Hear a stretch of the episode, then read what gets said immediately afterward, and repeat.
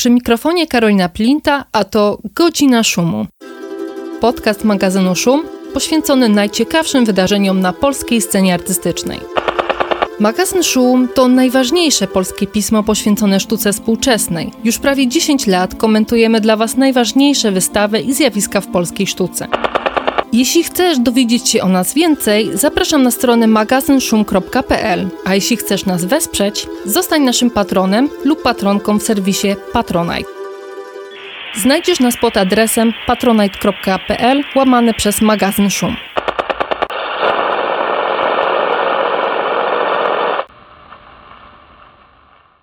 Witam Państwa, to 103 odcinek e, Godziny Szumu. Jest to odcinek specjalny, końcoworoczny, podsumowujący. Moimi gośćmi są dzisiaj moi koledzy z redakcji, e, wspaniały Aleksy Wójtowicz oraz Piotr Policht. Witam Was chłopaki serdecznie. Dziękujemy za zaproszenie. Nie jesteśmy częstymi gośćmi Twoich podcastów. No, e, ostatni raz widzieliśmy się e, w tej sytuacji chyba dwa lata temu. Mhm. I było to jeszcze zupełnie inna godzina szumu, um, z innym dźwiękiem, jakością nagrywania. Teraz jest luksusowo. Siedzimy sobie w studiu. No, a będziemy rozmawiać o tym, co się wydarzyło w tym 2023 roku. Ponieważ y, w tym roku w magazynie Szum postanowiliśmy zorganizować wielogłos naszych autorów na temat mijającego roku, no w sumie sami nie produkujemy żadnych treści redakcyjnych, takich naszych głosów, więc stwierdziłam, że zaproszę chłopaków, żeby mi trochę powiedzieli o swoich perspektywach. Może to jest też, będzie ciekawy moment na jakąś wymianę spostrzeżeń o tym, co się w tym 2023 roku wydarzyło, co było fajne, a co nie. Zacznijmy jednak od takiego pytania hmm, ogólnego, y, czyli co z wami zostanie? Y, jak ktoś na przykład was pyta, co się w tym 2023 roku wydarzyło. Nie wiem, dajmy na to, za rok ktoś was to o to spyta, za dwa albo za dziesięć, to jakie obrazy z wami zostaną, albo uczucia, albo jakieś takie refleksje? Ja myślę, że za 10 lat to już e, absolutnie nie będę pamiętał. Może tak zbiorczo początek dekady raczej nie, nie mam w głowie nawet teraz jakichś takich obrazów e, symbolicznych dla tego roku. Wydaje mi się, że to też jest trochę. No na pewno będziemy dużo mówić o sytuacji politycznej, bo bardzo jednak te wydarzenia są sprzężone z tym, co się dzieje teraz, jak nagrywamy. No to też bardzo na żywo w końcu po, po 8 latach rządu PiS. I e, no to, jak ja widzę ten rok, to też jest jakieś takie domykanie tej zmiany rzeczywiście, trochę już na ostatnim oddechu, na ostatniej prostej, bo jednak zobaczyliśmy głównie Zachętę i MSL już pod mm, rządami nowych dyrektorów z nowym programem. I, I, raczej mam jakieś takie schyłkowe obrazy w głowie niż coś, co by się wiązało z jakimś przełomem. Przy czym wydaje mi się, że no to jest też moment jakiegoś takiego przesilenia i przemodelowania sceny artystycznej trochę szerzej. Nie, może to jest u mnie związane jakoś z perspektywą powrotu do szumu po krótkiej Właśnie. przerwie. 2023 to moment, kiedy Piotrek Poli wraca do krytyki. E, tak, wydaje mi się, że też jakoś no, na e, polu e, rynku i galerii komercyjnych widać zmęczenie triumfalistycznymi narracjami, zmęczenie dominacją malarstwa, co ostatnio wyszło przy dyskusjach o nominacjach do paszportów polityki, więc e, mam wrażenie, że to, to przesilenie obejmuje nie tylko instytucje publiczne, które bezpośrednio padają jakoś łupem partii rządzącej, ale też rynku, który nie jest taką szalupą ratunkową dla tego świata sztuki, jakby się chciał widzieć i jedyną nadzieją. Ja myślę, że dla mnie ten e, rok będzie przede wszystkim rokiem wyborczym i nie jestem chyba w tym zbyt oryginalny, jeżeli chodzi o e, wyobrażenia albo obrazy, które ze mną zostaną. No i jeżeli był to rok wyborczy, to był to rok specyficzny, czyli bardzo pośpiesznych decyzji, tak jak Piotr wcześniej mówił, domykania pewnych narracji albo domykania tego, co jeszcze da się zrobić, naprawić bądź zepsuć, w zależności od tego, z którą stroną bardziej sympatyzujemy.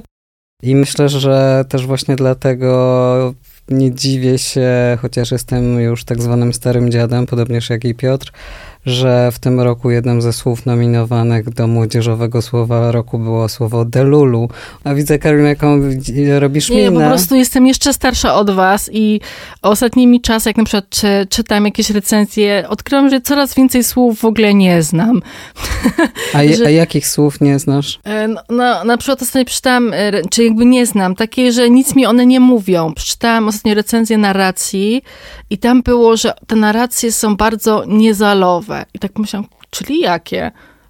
No to chyba jest stare słowo, wiesz? No to, to jest pewnie stare słowo, ale to jest coś takiego, że ja już, e, może jestem, jest jeszcze starsza, ja używam słów typu kocopał.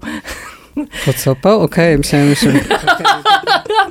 Ja byłem pewien, że tam troszeczkę inaczej te, te litery występują, ale to się zdarza. Ale wracając do tego delulu, bo już jak zacząłem to delulu... Tak, co to w ogóle jest? Delulu to jest takie słowo, nie wiem, powiedzmy spolszczenie od delusional, czyli mm, akurat w tym, w tym wyobrażeniu jest to osoba, która żyje wyobrażeniami, alternatywną rzeczywistością i to przede wszystkim się odnosi do fanbazy, czyli do fanek i fanów bodajże koreańskich boys bandów, bo nie wiem, czy wiesz, ale jakby od kilku dobrych lat koreańskie boys bandy to jest to.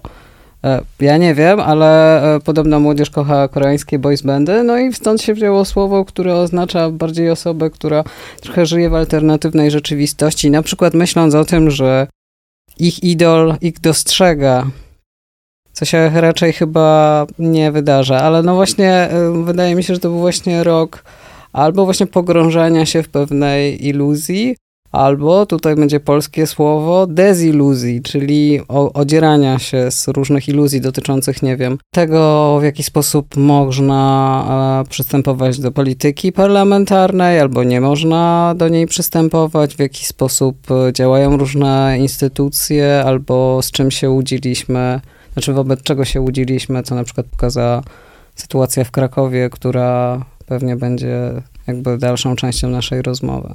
Więc to jest trochę rok delulu albo wychodzenia z tego delulu i mam wrażenie, że to nie jest ostatni rok, w którym będziemy się tym zajmować, może trochę z innej perspektywy.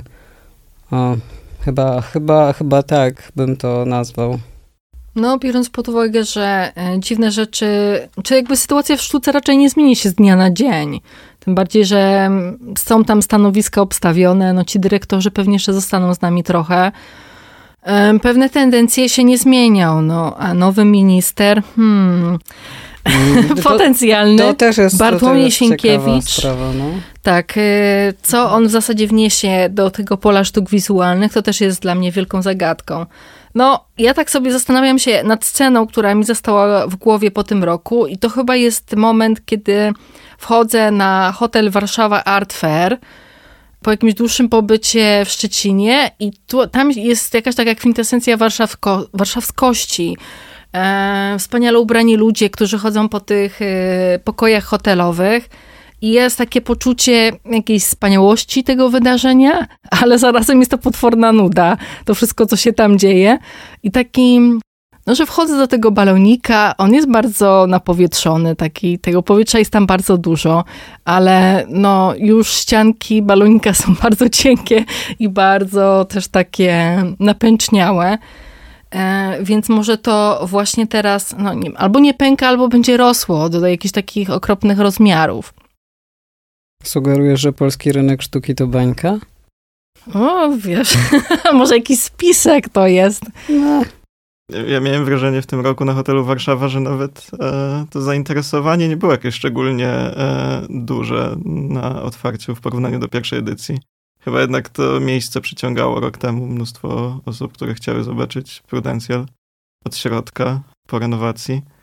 A, no nie wiem, no to też był wymowny dla mnie obraz, że w zasadzie najciekawszy pokoik e, zaaranżowała Fundacja Galerii Foxal, która jest największą najbogatszą i wydawałoby się, że przez to jakoś najbardziej e, powinna być, no nie wiem, predestynowana do bezpiecznych zagrań rynkowych. Na, na takich imprezach to w zasadzie ten pokój Filipki był jakąś taką jedyną e, próbą zrobienia czegoś innego z tymi wnętrzami niż e, konwencji. Stawiamy coś w kiblu, stawiamy obraz oparty o łóżko, stawiamy jakieś bibeloty na półeczce i elo.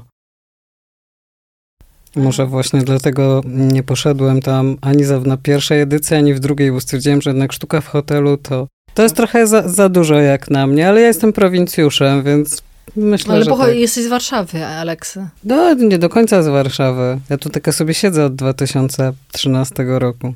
A, to ja siedzę dłużej. To A, jestem widzisz? bardziej Dlatego- warszawska. Dlatego chodzisz na targi sztuki w hotelu, ja tam nie chodzę. Ale a propos właśnie tej, tego złudzenia wspaniałości, to jest, to jest dość śmieszna sytuacja, ponieważ jak nie byłem na e, artferach, w różnych artferach, które tutaj e, w Warszawie przynajmniej były, to pojechałem sobie na Berlin Art Week, żeby zobaczyć jak to w Reichu jest. Zobaczyć jak, jak ta zielona, zielona trawa wygląda po drugiej stronie płotu. I to jest, e, to jest dość ciekawe mm, zdarzenie się jakby z własnymi wyobrażeniami na temat, jak wygląda to za granicą, a jak wygląda to u nas. I zwłaszcza to weszło w momencie, w którym e, tuż po Berlin Art Weeku, bo to jest e, pod koniec bodajże września, poszedłem sobie na kilka wystaw z WGW przed zobaczeniem tego, jak to wygląda w Berlinie, jak wyglądają tam te wszystkie wypucowane betony, to masz takie, że WGW wygląda ok. Potem wracasz z tego Berlina, wchodzisz na to WGW i masz takie, kurde, no jednak nie. To jest trochę dotknięcie trawy, a w tym wypadku trochę dotknięcie tego betonu.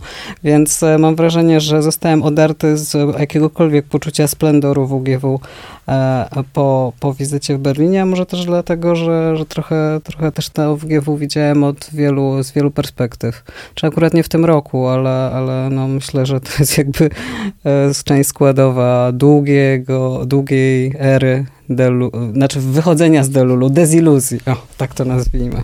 Będę, będę uparty, ciągle będę o tym gadał. Przejdźmy do kategorii wydarzenie. Poniekąd sobie o tym powiedzieliśmy, bo ja na przykład jako wydarzenie dałam właśnie zmianę władzy, jako taki coś, co mm, faktycznie ma hmm, wpływ na tą politykę kulturalną, ale może dodacie coś do tego, co waszym zdaniem było takim wydarzeniem w tym roku, co coś zmieniało. No tak, zmiana władzy na pewno jest najważniejsza, przy czym jesteśmy w momencie właśnie otwarcia dopiero, a z rzeczy, które się jakby wydarzyły i mogliśmy się na nie podenerwować, to chyba dla mnie, mo- może przez krótką pamięć, ale jednak niedawny konkurs w bunkrze, czy niedawne jego rozstrzygnięcie było jakimś takim kluczowym, e, może nie z perspektywy całego pola sztuki w Polsce, ale jednak Krakowa, gdzie e, jest dużo inicjatyw, dużo osób artystycznych, ale jednak z instytucjami publicznymi jest już gorzej. No bo nie wiem, jest kilkoteka, która musi się cały czas jakoś gimnastykować, żeby coś tam e, powiązać z kantorem, cokolwiek robią. I poza tym mamy e, latyfundia Maszy Potockiej. No i pojawiło się rzeczywiście światełko w tunelu, że, że może się to zmieni i, i bunkier sztuki jednak znajdzie się pod czyimś innym kierownictwem. Co prawda się znalazł, no ale jak wiemy, Delfina Potocka, znaczy, nie, połączyłem Delfina Jałowik.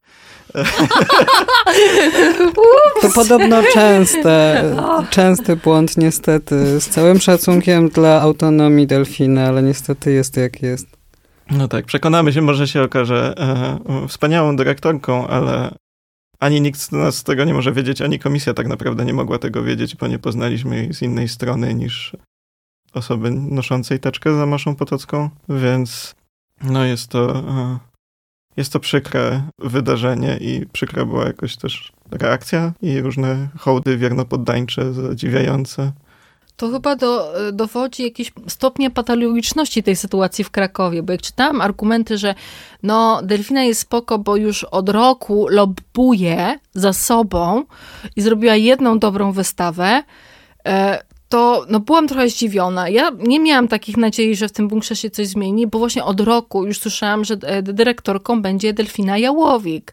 I, I słyszałam jakieś takie, dochodziło mi, że ona już tutaj właśnie zakłada ten podcast, no bo to, że tak lensuje siebie po prostu, y, podbija swoją środowiskową pozycję i też jakąś zwiększa widoczność, no bo już się szykuje w zasadzie na to stanowisko. I później ten konkurs, no miał takie znamiona jakiejś po prostu fikcji, która ma e, ulegitymizować sytuację, która była e, pewna od roku.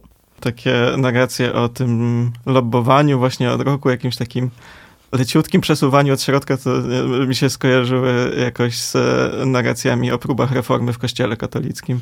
To brzmi, brzmi dość podobnie i podobnie utopijnie, mimo że jakby cały czas ludzie spadają z tego rowerka i próbują na niego wsiadać i e, spadają ponownie. Zadziwiające jest to, że, że takie narracje się trzymają i niektórzy bardzo delulu. No w Krakowie to bardzo delulu, ale to jest chyba już właśnie efekt bycia w tym od 20 lat, no, zarządów Majchrowskiego. Oni już nie znają innej rzeczywistości. Ale my się, się cieszą z tego, co im to Delulu daje. Mi się, mi się trochę też wydaje, że my się tutaj strasznie śmiejemy z tego Krakowa, bo faktycznie... Bo wszyscy z niego uciekliśmy. Bo wszyscy z niego uciekliśmy, albo mieliśmy z nim jakiś związek i z pewnych powodów nie zostaliśmy tam, ale nie wiem, czy to przede wszystkim chodziło o Mocek. W każdym razie...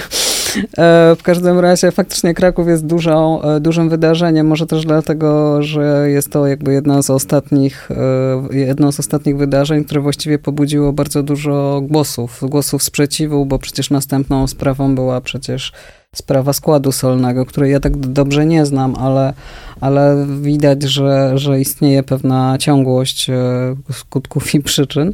W każdym razie wydaje mi się, że to, co mówiłeś Piotrze a propos dziwnego rowerka, na który próbują ludzie wskakiwać, to ja mam wrażenie, że ogólnym wydarzeniem w Polsce jest próba wskakiwania na um, rowerek instytucjonalny, z którym mamy piekielny problem. I mam wrażenie, że to że to będzie też duża rzecz, która się będzie rozgrywać w przyszłych latach albo w przyszłych kilkunastu miesiącach, czyli właściwie wyjście z jakby takiej strefy komfortu, że jeżeli się pozamienia jednego, jednego niefajnego dyrektora na fajnego dyrektora albo fajną dyrektorę, to powinny zatem też pójść jakieś takie głębokie zmiany w ogóle w tym, w jaki sposób funkcjonujemy. I jedną z nielicznych zalet y, dobrej zmiany, którą ja kiedyś myślałem, że to jest faktycznie zaleta, to jest to, że pole instytucjonalne zostanie wypalone do gołej ziemi, przez co będziemy musieli te instytucje robić na nowo. Nie wiem, czy tak będzie, bo słyszę całkiem sporo głosów do, o powrocie do 2015 roku co wydaje mi się totalnie niemożliwe, a poza tym jest to super konserwatywna wizja przyszłości, ponieważ zakłada, że kiedyś było lepiej i my właśnie przenosimy się w czasie i się lokujemy w czasach przed dobrą zmianą. A jak wiemy, no niestety to, co się wydarzyło do 2015 roku, sprowadziło tą dobrą zmianę nam także do instytucji. Więc wydaje mi się też to niejako powiązane z kwestią tego, w jaki sposób rozwiązuje się pewne procedury konkursowe albo nominacyjne itd., tak itd. Tak to też jest dużym wydarzeniem, który pamiętam bardzo dużo emocji wywołał. To była, e, był wybór propozycji do pawilonu Biennale na weneckie Biennale i wydaje mi się, że też e, przedziwną rzeczą było tak zwane zaskoczenie osób, że to jest duża niespodzianka. Wszyscy, którzy w miarę uważnie śledzili to, co się dzieje mm, przy próbach tworzenia nowego kanonu sztuki, tak jak teraz miało to miejsce przez ostatnie 8 lat, to kandydat był jeden. I cała reszta konkursu była, według mnie, dość fikcyjna. Ta, o jakie osoby się pozgłaszały z tej strony, powiedzmy, konserwatystów kulturowych, tych, którzy próbowali brać w tym udział, myśląc, że jest na to jakaś szansa na wygraną. No, jest to, jest, według mnie to, to też jest bardzo podobna sytuacja jak w Krakowie, tylko że w Warszawie, tylko że można nawet powiedzieć ogólnokrajowo. No, jeszcze kwestia tego, że, że, że są jakieś głosy, że może się uda to odwołać. A ja wam powiem, że absolutnie jestem przeciwko temu, żeby to, żeby odwoływać e, tą wystawę albo wybierać inną. Ja uważam, że powinniśmy ponieść konsekwencje naszych poprzednich politycznych wyborów, które doprowadziły do takiego, a nie innego wyboru, ponieważ jest to jakiś głos, no, z pola sztuki, przedstawiający pewną mentalność, być może nawet zbieżną z obecnym dyrektorem Fundacjone Biennale, która no, myślę, że może być atrakcyjna, przynajmniej dla, dla tej osoby, która otworzy to chyba w ma marcu przyszłego roku. To może jednak czwartos coś na czym skorzysta. Dyrektor Biennale go zobaczy i mm, do jakiejś, nie wiem... Polsko-włoskiej współpracy? Go, tak. Ja jestem okej okay za tym. Niech, niech się ktoś, e, może nie z Polski, zajmie kwestią wyklętych z polskiego pola sztuki, znaczy znów wyklętych, bo teraz mam wrażenie, Nie że to wiem, jest czy duża rzecz. spoza Polski jest w stanie to zrozumieć. No wiesz, ja myślę, że jest, no, jeżeli, jeżeli na przykład jednym z obrazów proponowanych i, i będących w ogóle zamieszczonych w tym programie, przynajmniej opisanych jest wizja, nie wiem, tam chyba Putina i Merkel, a po środku nich ma być płonąca swastyka czy coś takiego, to myślę, Can't że, wait. że to jest dość e, uniwersalny przekaz, który podoba się międzynarodówce konserwatystów kulturowych i tyle, no. To nie jest jakieś, to nie są jacyś posiekani jak ryby żo- żołnierze wyklęci, o których trzeba robić długą broszurkę, tylko to jest, to jest przekaz, który, który może nawet trafić na prawicowe memy, więc myślę, że to jest możliwe. Ja zresztą nie życzę tym ludziom źle, źle związanych. Angeli Merkel i... Nie, nie, ar- artystom, artystom, którzy do 2015 roku uważali się za wyklętych, po 2015 e, stali się pewnego rodzaju mainstreamem albo próbą no, utworzenia nowego kanonu, hehe, sztuki polskiej. No a teraz wracają do swojej jakby pierwotnej tożsamości i wreszcie będą mówić, że zostali w jakiś sposób znów wyklęci. I okej, No, y, akurat jeśli chodzi o odwoływanie, to też się zgodzę. Wydaje mi się, że nie powinniśmy y, psuć standardów, które i tak już są wystarczająco popsute. zepsute, tak. Jeszcze, jeszcze bardziej ich psuć. Tak, Y, tak, tak, tak, tak. I no, cokolwiek by nie powiedzieć o um, prawicowym rządzie i władzy też w kulturze, no to oni jednak trzymali się tych e, jakichś podstawowych procedur. No. Wybierali w konkursach albo nie, no ale mieli jakieś podstawy prawne do No swoich tak. działań. Dlatego musimy się zastanowić, jakie e, na przykład, nie wiem, ustawa o e, bodajże to się nazywa prowadzeniu instytucji, poprawcie mnie, nie pamiętam jak się ta ustawa nazywa, ale jest masa dokumentów, które musimy przejrzeć e, jako osoby, które, które są zainteresowane tym, żeby mm, ulepszyć te standardy, na przykład związane z transparentnością albo z wprowadzeniem pewnych ulepszeń dla samego pola kultury i pola instytucjonalnego, bo de facto nie mamy wypalonej do gołej ziemi tych instytucji, mamy instytucje pogrążone w dużym albo chaosie, albo stagnacji. I teraz kwestia jest tego, co zrobić, żeby mm, było inaczej, jeżeli chcemy inaczej. Bo jeżeli chcemy tak samo, tylko z nową, milszą dyrektorką, to, to ja się chyba nie chcę tak bawić. Nie o to mi chodzi chyba. A co powiecie o takim wydarzeniu no, z ostatnich tygodni, a mianowicie e, za, zatwierdzeniu statusu artysty zawodowego, czy może przepchnięciu go do prac sejmowych? Nie wiem, Piotr, może masz, masz ty jakąś, jakieś emocje cieplejsze?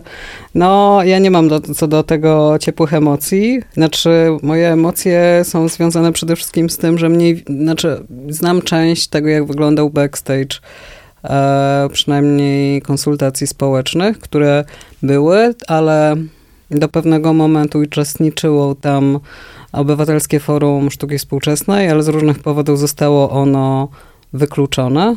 W sensie forum zostało wykluczone. Najprawdopodobniej przez e, hmm, chęć hegemonii SPAP-u jako jedynego reprezentatywnego związku artystów polskich albo działających na terenie Polski i generalnie też brałem udział w e, konstruowaniu długiej, długiej listy poprawek, które powinny zostać uwzględnione i zdaje się nie zostały one uwzględnione. I cóż powiedzieć, no jest to rzecz, nad, z którą będziemy musieli mocno się zmierzyć, ponieważ fakt powołania, znaczy inaczej, fakt przyjrzenia się i próby zreformowania faktu, że osoby artystyczne są w szarej strefie, to znaczy nie posiadają możliwości posiadania emerytury, jeżeli nie są zatrudnione na przykład na, e, na akademiach, mm, albo do, różne inne mm, zabiegi dążące do tego, aby wreszcie ten status artysty jako zawodu realnego został u, uregulowany, są nam niezbędnie potrzebne, tylko pytanie jest, czy w obecnym neoliberalnym rządzie centroprawicowym będzie miejsce na to, aby po odrzuceniu na przykład tej wystawy przez bodajże Sejm, już nie wiem jak wygląda, e, wygląda jakby rozprawa prawna obecnie, znaczy się rozprawa parlamentarna, powinniśmy e, nie odrzucić tego całego pomysłu, który w sumie wyszedł z, z tego, od o, o co próbuje walczyć Obywatelskie Forum Sztuki Współczesnej, tylko musimy po prostu zupełnie inaczej pomyśleć o tym, że nie może być jakaś rada, która nadaje status artysty, oczywiście artysty, bo nie artystki, o, o czym też mówiła między innymi e, Zuzanna Janin, że oczywiście feminatywy w, dalej w nazewnictwie to jest jakaś totalny eksces, ponieważ mamy jak artysta to musi być to chłop. Ale, ale feminatywy to jest trochę inna kwestia. W każdym razie będzie to duża, du, duży problem w, ne, w neoliberalnym rządzie i trzeba będzie się tym zająć, ponieważ to może nam uciec i znów szansa na to, aby e, fajna regulacja e, mogła wejść jest e, dość, dość, dość uzależniona od tego, ile włożymy sami w to pracę jako środowisko artystyczne, do czego zapraszam. Będą rzeczy takie. Tak. Przejdźmy do następnej kategorii. Zjawiska na przykład w sztuce albo e, w, na scenie, które zaobserwowaliście i chcecie skomentować, albo nie zaobserwowaliście? Chyba, chyba nie chcę zaczynać tematu na, e, nadre, nadprodukcji, nadreprezentacji malarstwa i e, scen, znaczy tego, jakby tej nóżki galeryjno-komercyjnej i myślę, że nie zacznę. E, to ja może dla odmiany pozytywnie, ale pozostając właśnie przy galeriach, a nie instytucjach, ale niekoniecznie właśnie komercyjnych, a artistran space'ach, off-space'ach, wydaje mi się, że to jest kolejny jakiś taki moment po kilku latach, gdzie rzeczywiście widać lekkie wzmożenie, nawet w tym nieszczęsnym Krakowie. Skumulowały się na przykład przy, przy ulicy Wrocławskiej, w miejscu, gdzie Bartek Buczek najpierw założył swój e, warsztat, pracownię, później galerię, wprowadziły się Galeria Schaber, Piana. W Warszawie też Fringe w tym roku był dużo większy i rzeczywiście jest sporo jakichś takich e, miejsc, które funkcjonują niekoniecznie komercyjnie. Nawet na WGW znalazł się turnus, który e, chyba nawet, myślę, galerzyści jak najbardziej komercyjni zgadzają się z tym, że jest teraz najfajniejszą nową galerią i e, i mają szczerą nadzieję, że za chwilę staną się profesjonalną, komercyjną galerią. Ale myślę, że nie, nie spodziewałbym się od nich takiego statementu, jak na przykład przy zeszłorocznym WGW e, od strony e, Guninowik, gdzie padało kilka razy sformułowanie o rzeczach na modłę berlińską albo nowojorską, a propos na przykład wspomnianego hotelu Warszawa. Więc myślę, że raczej dziewczyny z turnusu e, trochę inny wektor obierają i no, jak raczej nie chcą dotykać tego betonu właśnie zachodniego. I, e, Albo wyobrażeń na temat zachodniego betonu, bo myślę, że z tym bardziej dealujemy. Tak. Okay. Ja z kolei dodam e, zjawisko, które oceniam, powiedzmy, że raczej e, negatywnie, a mianowicie temat sztuki tworzonej przez sztuczną inteligencję. E, I to, ta refleksja zrodziła się, jak e, e, pośpiesznie byłam w paru galeriach podczas WGW i tam też było malarstwo generowane przez sztuczną inteligencję. Jest to straszna kupa. Naprawdę nie chcę się na to patrzeć. I jeszcze jak to jest wszystko podawane w takiej formule innowacji technologicznej, to mi się chce po prostu śmiać. E, I te wszystkie dyskusje, które być może jeszcze rok albo dwa lata temu były jakoś tam frapujące, co może sztuczna inteligencja i tak dalej, teraz wydaje mi się już, już przeterminowane, bo wiadomo, że sztuczna inteligencja jest mniej więcej takim narzędziem jak Photoshop dla artystów. Zresztą w Photoshopie jest też e, cały sektor e, usług, że tak powiem, sztucznej inteligencji, więc absolutnie tak. Więc e, tu apel do wszystkich wspaniałych, nie wiem, osób, które chcą organizować jakieś debaty albo wystawy. Sztuczna inteligencja nie jest ciekawym tematem w sztuce.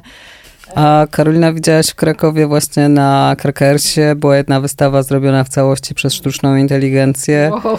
przez kolektyw OWL, OW, OWL jak w sumie Sowa, tylko że czytane po polsku, e, która akurat była całkiem śmieszna, ponieważ nie chodziło zupełnie o jakby docenienie aspektu technologicznego, tylko stworzenie e, całego zastępu artystów, którzy nie istnieją i osadzić ich w odpowiednich tam dekadach lat 60., 70., wraz na przykład wymyśleniem przez nich y, całego programu konceptualnej sztuki. Wyglądało całkiem spoko. Znaczy ja to rozszyfrowałem gdzieś po 10 sekundach, że to jest właśnie tego typu działanie, ale podobno ludzie się bardzo nabierali i byli tacy, że o, to interesujące, to zmienia ich jakby postrzeganie historii sztuki polskiej, bo to byli przede wszystkim artyści polscy i no, to, to było w sumie tylko, wiesz, no to było było zupełnie z innej strony wzięte, bardziej na zasadzie historii kontrfaktycznych, czy tam, e, czy też w ogóle jakichś takich fikcji, e, które mogą być ciekawe, a nie, a nie na zasadzie rozkminy. To jest nowe narzędzie i musimy go użyć, ponieważ chcemy być aktualni. Tak jak myślę, że no o tak, tym no, myślałaś. Mm, jeśli ktoś ma ciekawy pomysł na użycie sztucznej inteligencji, no to owszem, ale bardzo często to jest po prostu zachwyt nad tym, że e, sztuczna inteligencja nam, namalowała ci obraz. Nie! Naprawdę już wolę, żebyś zrobił to sam, drogi, drogi artystko albo artysto. E, dobrze. Po zjawiskach e, chciałabym, żebyście powiedzieli mi, kto w tym roku was zainteresował? Jacy artyści, e, osoby artystyczne, a może nie osoby artystyczne, ale ktoś, kto na przykład działa w kulturze, e, wydaje się, że wam, że jest warty wyróżnienia, e, coś robił ciekawego, był jakoś szczególnie aktywny. To ja może zacznę od osób nieartystycznych, właśnie, bo jak tak rzuciłaś tę rozpiskę, to w sumie w pierwszej chwili pomyślałem nie, nie o kimś, kto robi sztukę, ale o kuratorce, o Katarzynie Różniak-Szabelskiej z Arsenału w Białymstoku. Bo jak już tak sobie ponarzekaliśmy na, na instytucję, to akurat tutaj mamy przykład. Co prawda też e, z perspektywy procedur konkursowych, e, można powiedzieć, e, wątpliwy, to znaczy galerię, która jednak przez e, ponad 30 lat jest pod e, jednym kierownictwem i co prawda radzi sobie dobrze, no ale e, możemy dyskutować o tym, czy jest to optymalna sytuacja. Za to, odkąd pracuje tam Katarzyna Różniak-Szabelska, to mam wrażenie, że to jest jakaś najciekawsza instytucja w Polsce, do której najchętniej się wyrywam z tej Warszawy. Z rzeczywiście świetnymi wystawami, od monograficznych jak Marty Romanki w tym roku przez Duby Smalone z moimi ulubionymi dwoma czeskimi artystkami e, Hulaczową i, i Smutną. Więc już tam mi wystarczy, że w tej smutnej Polsce żeby się o, zachwycać. Jest Białystok. Jest Białystok, Tylko można pojechać. Warto y, y, y, przede wszystkim pojechać do galerii, bo później to może dostać jakiś... E, Negatywny nie, feedback tak zwany, tak, od ulicy, no na ulicy nie zawsze jest miło. E, dobrze. Aleksy. E... E, skoro już mówimy o Białym Stoku, to ja jakby po przekątnej, czyli Wrocław i Muzeum w Podziemiu i jakby to trochę się powtarzam, ale absolutnie uważam, że jest to, e, jest to pewne zjawisko, które, zjawisko będące pata instytucją zawiązaną w, w jakby obliczu lokalnego kryzysu instytucjonalnego, które fajnie podbija w duchu ludwińskiego i jednocześnie y, krytykę artystyczną, znaczy krytykę nie artystyczną, tylko krytykę instytucjonalną, która ma zupełnie inne, inne pole rażenia właśnie przez to, że jest organizowana przez osoby, osoby no trochę tak używając tego ofu, czy tam niezalu, z którego się śmiałaś, słowo jako dziwne, czyli no powiedzmy jakichś przestrzeni niezależnych, alternatywnych, no pokazali się e, na, na Survivalu e, tegorocznym z z wystawą jeszcze przyjdziesz na nas wernisaż, nie wiadomo do końca do kogo, e, adresując tę wypowiedź, ale wydaje mi się, że chyba raczej do władz e, Muzeum Współczesnego Wrocław. No i ostatnia wystawa na, e, na Wrocław Off Gallery Weekend na którym byłem i bardzo mi się podobało, była wystawa Trybiki, czyli o instrumentalizacji i w sumie alienacji pracowników i pracownic kultury. A jeżeli już Trybiki, to oczywiście u galerii w, u Kosałki. A jeżeli mam mówić o osobie, która jakby ta twórczość albo działalność w tym roku mi dużo zrobiła, to w sumie był to właśnie Jerzy Kosałka, którego jak kojarzyłem chyba bodajże z lat licealnych, kiedy ktoś szalony wsadził ilustrację przedstawiającą e, bitwę pod Kłobuckiem Kosałki do mojego podręcznika e, do polskiego i byłem zachwycony tym, mając tam, nie wiem, 16 lat. I w tym roku przez przypadek, a może nie przez przypadek, zobaczyłem ten ogromny album monograficzny Kosałki i zobaczyłem, ile on właściwie zrobił rzeczy i jak one bardzo mi trafiają do mojego poczucia humoru. I stwierdziłem, akurat byłem wtedy we Wrocławiu, czyli nie ma żadnych, absolutnie nie ma żadnych y, przypadków i stwierdziłem, że muszę typa poznać, nie? I niektórzy mówią, żeby nie poznawać swoich idoli, a jako Sałkę poznałem i się zachwyciłem nim jako osobą, w sensie, że jest świetną osobą, a nie tylko świetnym artystą. Więc jakby ten rok według mnie należy do Muzeum w Podziemiu i do Jerzego Kusałki. Ja z kolei powymieniam parę o, e, osób y, y, robiących sztukę. E, no, trochę myślę, że nasi czytelnicy i czytelniczki mogą się domyślić, jeśli śledzili, co się działo w szumie, bo staram się ich lansować. Na przykład, wydaje mi się, że dosyć dużo, czy fajnie rozwinął się Przemysław Piniak, E, z takiej osoby trochę efemerycznej, w sumie nie wiadomo kogo, jakiegoś projektanta butów czy co, nagle stał się całkiem fajnym artystą, który też pisze, performuje, maluje, ale w zasadzie no, ciężko powiedzieć, żeby on był stricte malarzem, bo moim zdaniem to malarstwo też jest tylko jakimś narzędziem jego ekspresji. E, jest, jak to powiedział, napisał Stach Szabowski, bardzo mi się ten tekst podobał, że jest agresywnym narratorem. Pasywno-agresywny narrator. E, super. Też w tym, w tym roku odkryłam e, Bartka Buczka jako osobowość. Wcześniej kojarzyłam go jako artystę, ale nie wiedziałam, że on jest tak naprawdę w zasadzie tym artystą drugim. tym, który y, realnie tworzy dzieła. Jest też świetną osobą i um, oczywiście robi dobrą robotę w Krakowie jako galerzysta. Oczywiście turnus, o którym już wspomnieliśmy. Mm, super robotę robiła Jana Szostak, która kandydowała do Sejmu, nie dostała się, e, ale jak zwykle budziła spore emocji, e, szczególnie swoimi wyznaniami o aborcji i różnymi poglądami na aborcję. Musiałam się wysłuchiwać, zostałam nawet zaatakowana za to, że y, wspieramy w szumie Janę. Jak to było to? dosyć... Nie, bez nazwisk, ale... Okay. po prostu w pewnym momencie podeszła do mnie pewna osoba na jednym, e, chyba właśnie w turnusie i zostało mi zadane pytanie, czy ja wspieram e, aborcję, e, nie wiem, w, do, w, każdym momencie ciąży. Trochę mi zatkało, a, a teraz jak sobie myślę o niektórych osobach, to myślę, że wspieram aborcję także po narodzinach. Eutana, eutanazja też jest ważnym postulatem, akurat mało podnoszonym w Polsce jeszcze. Tak, jeszcze wydaje mi się, że ciekawie rozwija się Daniel Kotowski. Jeśli mówimy o tym, że malarstwo niestety jakoś tam hegemonizuje naszą scenę, to jednak ciągle są artyści, którzy nie tylko malują, albo nawet wręcz nie malują. I to jest Daniel Kotowski, który wprowadza zupełnie nowe tematy do polskiej sztuki, których po prostu nie było. E, I, i, i rozbija jakiś e, no, mur takiego też braku zainteresowania e, wskazuje, że no jest jakaś luka w tym naszym dyskursie i faktycznie o czymś nie myśleliśmy, czyli o osobach niepełnosprawnych, które bardzo często są wykluczone z, naszego, z naszej wspaniałej bańki. I też wydaje mi się, że Marta Romankiw jest taką osobą, która się rozwija, która dużo tworzy, świetnie działa jako rzeczniczka i głos osób migranckich. Ostatnia jej praca, którą widziałam, to właśnie na narracjach Pomnik Pracy Domowej albo coś w tym stylu. No w każdym razie była to ciekawa realizacja, właśnie takie upamiętnienie pracy niewidocznej, e, więc też wydaje mi się, że ma coraz więcej do powiedzenia i robi to e, w ciekawy sposób. Przejdźmy do wspaniałego tematu wystaw. Trochę już tego poruszyliśmy. Chciałabym, żebyście powiedzieli o jakiejś wystawie, która waszym zdaniem zrobiła wam coś dobrego, i no, jakimś też e, wyjątkowym fakapie. Tych fakapów to pewnie ja mam zapisanych naprawdę dużo, ale, no ale spróbujmy. Mi jako takiemu sezonowemu czechofilowi e, najbardziej jednak podobała się wystawa w Pradze, to znaczy Ewa Kociatkowa w, w Galerii Narodowej. Moje ciało nie jest wyspą, wspaniała rzecz i jakiś taki zachwyt, którego dawno nie miałem na jakiejkolwiek wystawie.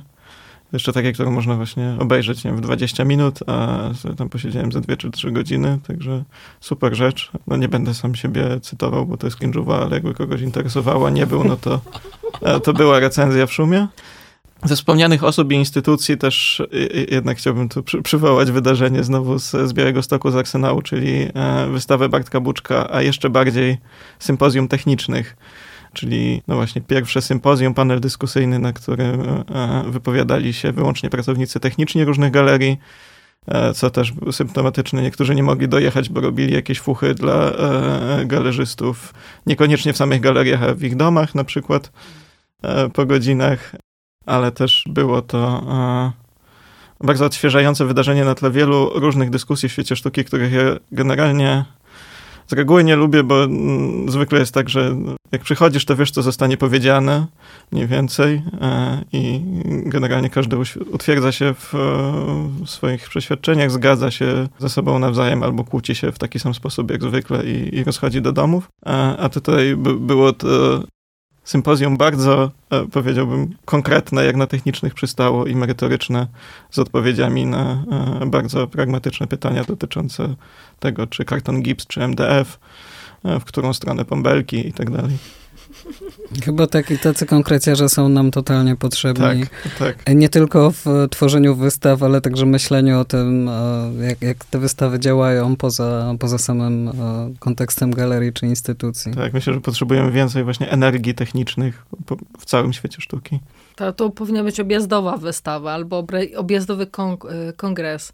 E, jest, z tego co wiem, planowana druga edycja w Poznaniu w przyszłym roku. O, może się wybiorę, bo strasznie żałuję, że w końcu nie udało mi się dotrzeć. No i też nie, nie napisaliśmy, ja tylko nagrałam podcast, ale tutaj ewidentnie potrzebny był też komentarz. Wszystko przed nami. Tak, może jeszcze to nadrobimy. W sumie też w Pianie w Krakowie była wystawa, która się nazywała Fuchy. Już nie pamiętam jakich artystów, ale jest to z pewnością do sprawdzenia na stronie e, Piany, już wspomnianej przez nas gdzie właśnie artyści e, mi pokazywali wszystkie rzeczy, którymi się zajmowali, nie będąc, e, nie będąc artystami. To znaczy, czym mogliby się zajmować, znaczy czym się zajmują i jak wyglądają ich tam różne, e, różne tam tak zwane fuchy, czyli, czyli co robią, nie robiąc art for art, tylko sztuka użytkowa bądź wykorzystywanie umiejętności technicznych i artystycznych do zarabiania pieniążków. Aleksy, hit wystawienniczy. Jeżeli mam powiedzieć słowo, co to znaczy w ogóle dla mnie ważna wystawa, czyli taka, która mi coś pokazała, czego wcześniej nie znałem, to mam jakby dwa trochę takie typy. Jedna jest typ zagraniczny, czyli e, berlińska wystawa Coco Fosco w berlińskim kawę o która to wystawa pokazała mi artystkę, której nie znałem do tej pory. Być może to jest właśnie moje prowincjuszostwo, a być może po prostu tak musiało być, że, że musiałem się nią zachwycić właśnie w tej ciekawej instytucji. I to jest trochę jakby przenosząc na polski grunt albo polskie porównanie, to jest tak jakby po raz pierwszy zdarzyć się, nie wiem, z e, wodniczką albo z innym liberą. Nie, jakby to jest e, sztuka, tylko że oczywiście jest to sztuka nie, e, nie europejskiej artystki, a zupełnie, zupełnie nie mająca jakby takich, że się w ogóle nie zestarzała i to jest, to jest niesamowite, jest super aktualna, bo te wszystkie jej związki, znaczy historie dotyczące postkolonialnej historii i, i genderu są, są mega fajne i to było naprawdę imponujące, a drugą wystawą, która jest dla mnie ważna i to będzie hiperkontrowersyjne, jest oczywiście pejzaż malarstwa polskiego. Jeżeli mówimy o, o, o alternatywnej wizji Ale rzeczywistości. negatywnie czy pozytywnie? Czy to e, są złe kategorie? Nie, myślę, że to są złe kategorie, bo ważna jest taka, która, tak jak na samym początku powiedziałem, e, która mi pokazała coś, czego jeszcze nie wiedziałem. Pomimo tego, że jakiś, przez jakiś czas zajmowałem się powiedzmy innymi obiegami niż ten nasz e, główny obieg. No jest to wystawa, która pokazuje po prostu pewną wizję rzeczywistości, która została Ciekawe, że... W jakiś sposób, no. no. to jest jakby odrębny, szeroki temat, ale tam jakby z tego, co wiem, kluczem jest y, dobór kolorystyczny tych obrazów. E, ale to... Można, można tak uważać na pierwszy rzut oka. Przede mną jest jeszcze właśnie ta, e, ta, ta praca interpretacyjna i być może jak... Wizja tak... rzeczywistości według palety. No, wiesz, no, rozwiązania formalne są dobre, ale trzeba je umieć używać. Zobaczymy, co, co mi zostanie w głowie, kiedy napiszę tekst, a chyba jakiś, nie, nie wiem, za jakiś tydzień będzie te, ten tak, e, premiera tekstu. Woli informacji, drodzy słuchacze, nagrywamy to 12 grudnia. Aleksy pisze dopiero te, swój tekst. O... Ja jeszcze nie wiem, co mam, co mam tak. sądzić, ale wiem, że to jest ważna wystawa, przynajmniej ale dla Pola. Zapraszam już do czytania. Dobrze, ja mm, jeszcze może bym wyróżniła z takich ciekawych rzeczy. No, wspomnieliśmy o tej wystawie Jana Jakuba Juliana Ziółkowskiego w Mocaku i o ile um, Delfina jako dyrektorka mało mnie tam grzeje, to moim zdaniem jednak ta wystawa pod kątem formalnym była dobra. Ona była po prostu szalona wizualnie i jak rzadko um, te prace Ziółkowskiego sprawiły, że mi trochę parowała czacha że to było takie, okej, okay, facet, co ty brałeś? Też bym chciała. Natomiast jeśli chodzi o te jakieś aspekty polityczne, to, to jest jakby osobna sprawa. Było kilka dobrych rzeczy. Chciałabym wyróżnić y, y, Janka Owczarka za wystawę Bruno Schulz, Żelazny Kapitał Ducha w Muzeum Literatury w Warszawie. E, prosty pokaz, ale pokazujący coś takiego oczywistego, którym e, okazuje się, że wszyscy badacze Szulca nie mieli odwagi powiedzieć, że po prostu był stópkarzem.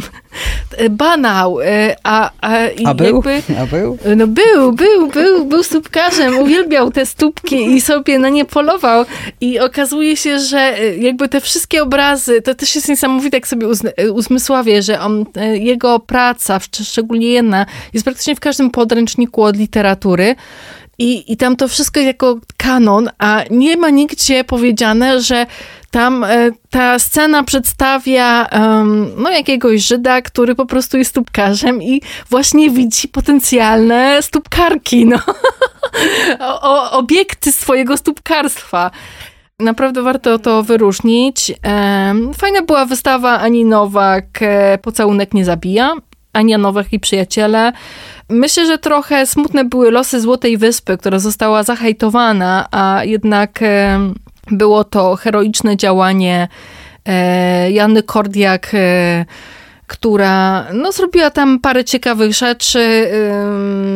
Niby to było działanie też współorganizowane przez Zachęty, ale nie do końca. Natomiast była to dobra robota, moim zdaniem, jednak. I jeszcze zaraz, co ja tutaj mam? A, radyka radykalne rodzicielstwo. E, to jest wystawa, której jeszcze nie widziałam, ale wydaje mi się, że ona wprowadza ważne wątki, których, o których mało jest na razie w polskiej e, kulturze, czyli tego, jak my mamy wkluczać do naszego obiegu osoby, które się kimś opiekują, na przykład dziećmi, ale nie tylko. To się dużo wydarzyło na ten temat, na przykład na, czestanie, y, na scenie czeskiej, gdzie oni sobie już tam organizują przedszkola przy akademiach. U nas jest chyba jeszcze taki pułap, y, y, że te akademie sobie z tego nie zdają, nie zdają sprawy, że trzeba po prostu artystkom i artystom pomagać w ogarnianiu swojego życia, żeby oni nie wylatywali z obiegu. I mam nadzieję, że ta wystawa jest takim zaczątkiem oraz tam jest takie plenum osób opiekujących się i że dziewczyny, które to robią, po prostu będą to dalej robić, aż w końcu wywrą jakąś, e, jakiś nacisk na, na, na, na naszą jakąś opinię społeczną i tak dalej. Może już przejdźmy do tych porażek, bo w to na Porażki. pewno wejdzie. Dobra, porażki. Kity 2023. Mm, ja mam, ja mam szybką listę, bo bo tych rzeczy było dużo i chyba nawet nie chce się roz, e, e, że tak powiem, wydłużać. No to, to pięć porażek i pierwszy to jest on przypadek Strzępki i Lupy, gdzie hipokryzja po prostu tak zwanych lewicowych postaci kultury nagle się rozbiła, albo o Szwajcarów, którzy stwierdzili, że polskie warunki zarządzania ludźmi to jest jakieś, to jest coś niewyobrażalnego i nie chcą się na to godzić i dopiero wtedy uznaliśmy, że faktycznie może mamy problem. Druga rzecz, czyli Strzępka, która, e, której kibicowaliśmy w sporze prawnym z Radziwiłem, czyli z jak się nazywa ta funkcja? Wojewodą. Wojewodą, a jednocześnie okazało się, że no niestety jest tak zwaną girl bossową, która e, chyba mobbuje, czy coś takiego. Nic fajnego. Druga porażka to jest Marcelo Zamenhof, uznany za obrazę uczuć religijnych, e, co, co jakby prowadzi mnie do wniosku, że powinniśmy się zająć artykułem 196 i go wykreślić, ponieważ jest skutecznym narzędziem cenzury i autocenzury też e, artystów i artystek. E, jeżeli mówię o autocenzurze, to trzeci przypadek, czyli autocenzura instytucjonalna prac e, Marioli Przyjemskiej w Muzeum Współczesnym Wrocław. Pochodziło o cykl Victoria's Secret, czyli zdjęcia przedstawiające zbliżenia Chrystusowych Peryzonium. Podobnoż prace, które miały pojechać z zachęty do MWW, nie zmieściły się do transportu, ale e, Mariola Przyjemska nie uwierzyła w tę wersję i zrezygnowała z całej wystawy we Wrocławiu. No i przez co w Kosełki i Muzeum Podziemiu mogła się odbyć wystawa pokazująca tylko to, czego nie zobaczysz w muzeum. Następnym, czwartym chyba już przypadkiem porażki według mnie jest film Andrzeja Miękusa Ile za sztukę, na którym się pięknie znęcałem chyba w czerwcu, więc odsyłam was do tego. No i wydaje mi się, że pewną porażką, może nie taką już stuprocentową i totalną, bo jeszcze zobaczymy jak to będzie, jest jednak fakt nominacji e, Bartłomieja Sienkiewicza na ministra kultury. Ja jednak uważam, że można było znaleźć znacznie e, bardziej doświadczoną osobę i rozumiejącą to, czym jest kultura jako, jako zas, nawet jako zasób, którym można zarządzać, bo tutaj mam wrażenie, że będzie zarządzanie typowo neoliberalne i być może wróci nawet his, e, hasło kultura ma się opłacać. Znaczy na siebie zarabiać, sorry. Więc to są według mnie No tak, porażki. w kontekście naszej dyskusji, że e, e, musimy zmienić procedury konkursowe, zarządzanie instytucjami, to Bartłomiej Sienkiewicz nie jest kandydatem, który tutaj zapowiada jakąkolwiek zmianę. Ale może nie będzie lubić podsłuchów. A może będzie. To wiem. Piotr. Ja nie wiem, czym coś do tej listy do, dorzucał poza podpisaniem się, bo już mówiliśmy o konkursach, e, które chyba jakoś dla mnie były tymi największymi porażkami. Dorzuciłbym po raz kolejny w e, Maszę Potocką, ale chyba kobieta postfeministyczna wyszła jeszcze w grudniu e, zeszłego roku.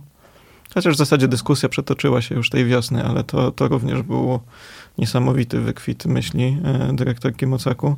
Przy okazji, to już może Oby tak, też wykwit tak, myśli. w ramach jakiejś takiej ciekawostki pobocznej e, podpisałbym się też pod wyróżnieniem wystawy Szulca, którą zrobił Janek Owczarek w Muzeum Literatury rzeczywiście odkrywając e, jakiś taki aspekt, wydawałoby się oczywisty, a zupełnie nieprzebadany, ale przy okazji tej wystawy przeczytałem też tekst e, właśnie Maszy Potockiej z e, ubiegłorocznej wystawy w Mocaku Szulca, gdzie również padła niesamowita teza o tym, że to wszystko jest taka e, gra w twórczości Szulca, bo tak naprawdę on nie mógł mieć jakichś takich BDSM-owych kinków, ani być stópkarzem, ponieważ jest to, cytat, zboczenie, a Szulc był przecież genialnym artystą, a genialny artysta nie może być zboczeńcem. Jest to e, jeden z najbardziej imponujących konstruktów intelektualnych, z jakimi się zetknąłem kiedykolwiek. I... Ale to dość ekscentryczne. Zazwyczaj właśnie się mówi, że mogą być zboczeni, ponieważ są właśnie genialni, a tutaj jest jednak no odwrot, niesamowite. Okej, okay. E, no dobra, ja do tego zestawu dodałabym e, wystawę Anki Ptaszkowskiej w MSN-ie.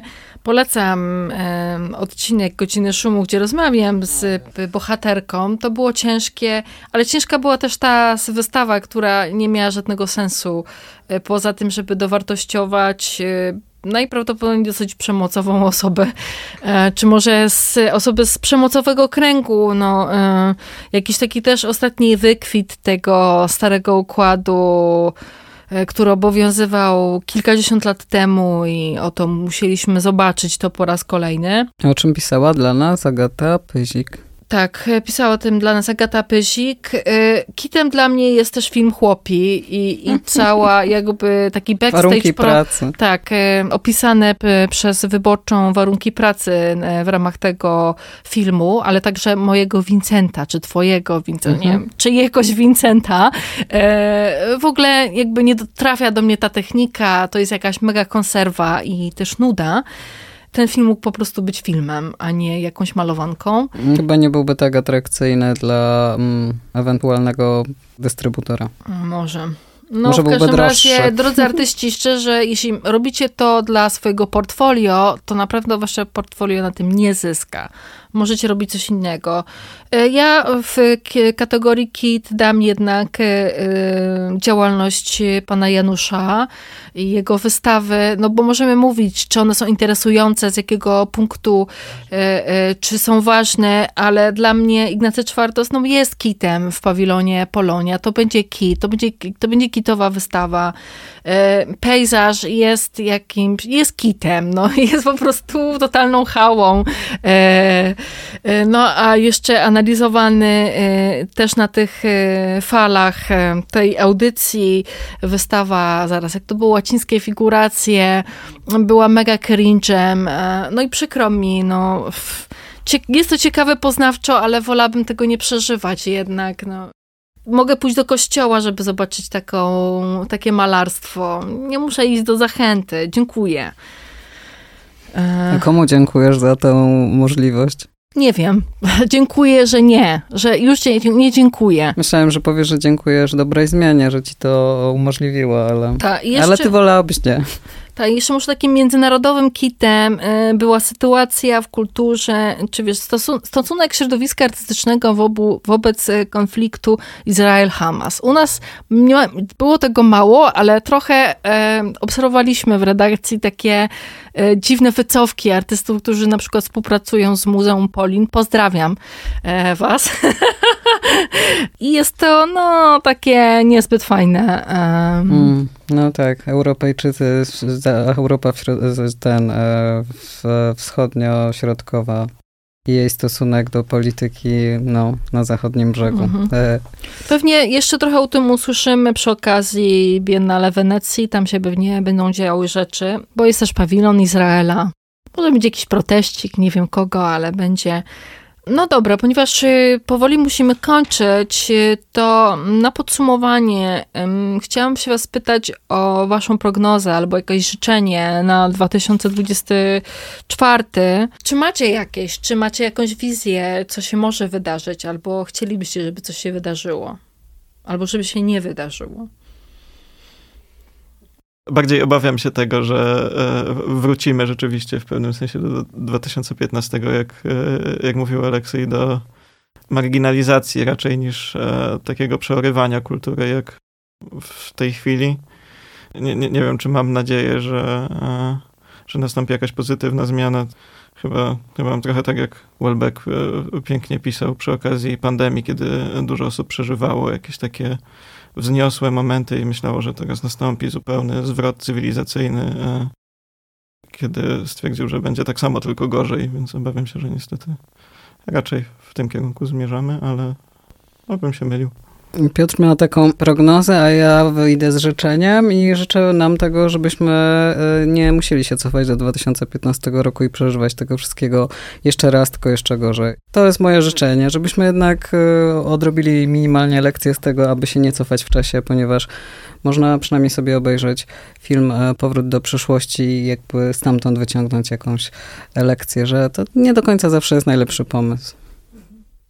No cóż, mi się marzy, że powsta żeby powstało jakieś wydarzenie, jakieś, nie wiem, coś, dzięki czemu e, dziedziny, które nie są malarstwem, no jednak e, miały, zostały odrobinę dowartościowane. Nie wiem, pojawił się jakiś bogaty, kapryśny sponsor, czy nie kapryśny, taki ekscentryczny, który na przykład stwierdza, że chce inwestować w sztukę, która się nie opłaca którą nie da się zmagazynować i mu się rozleci. I ma tyle hajsu, że już może sobie na to pozwolić. E, no, a czekam na Centrum Choreograficzne, które ma powstać w pawilonie e, nad Wisłą, bo to jest może to miejsce e, jakiegoś, które trochę wykopie z dołka i taniec, i performance, i, i kto wie co jeszcze.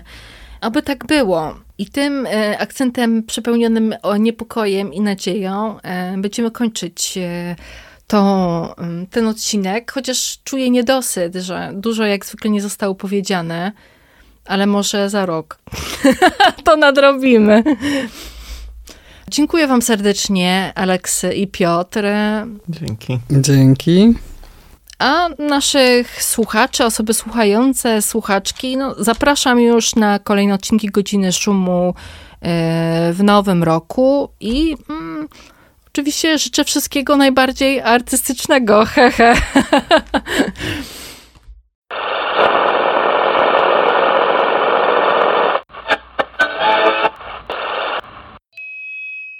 Dziękuję za wysłuchanie kolejnego odcinka podcastu Godzina Szumu.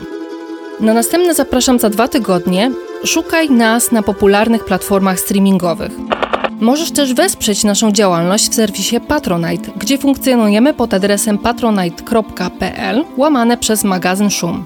A jeśli chcesz dowiedzieć się więcej o sztuce współczesnej w Polsce, zapraszam na stronę magazynszum.pl. Do usłyszenia!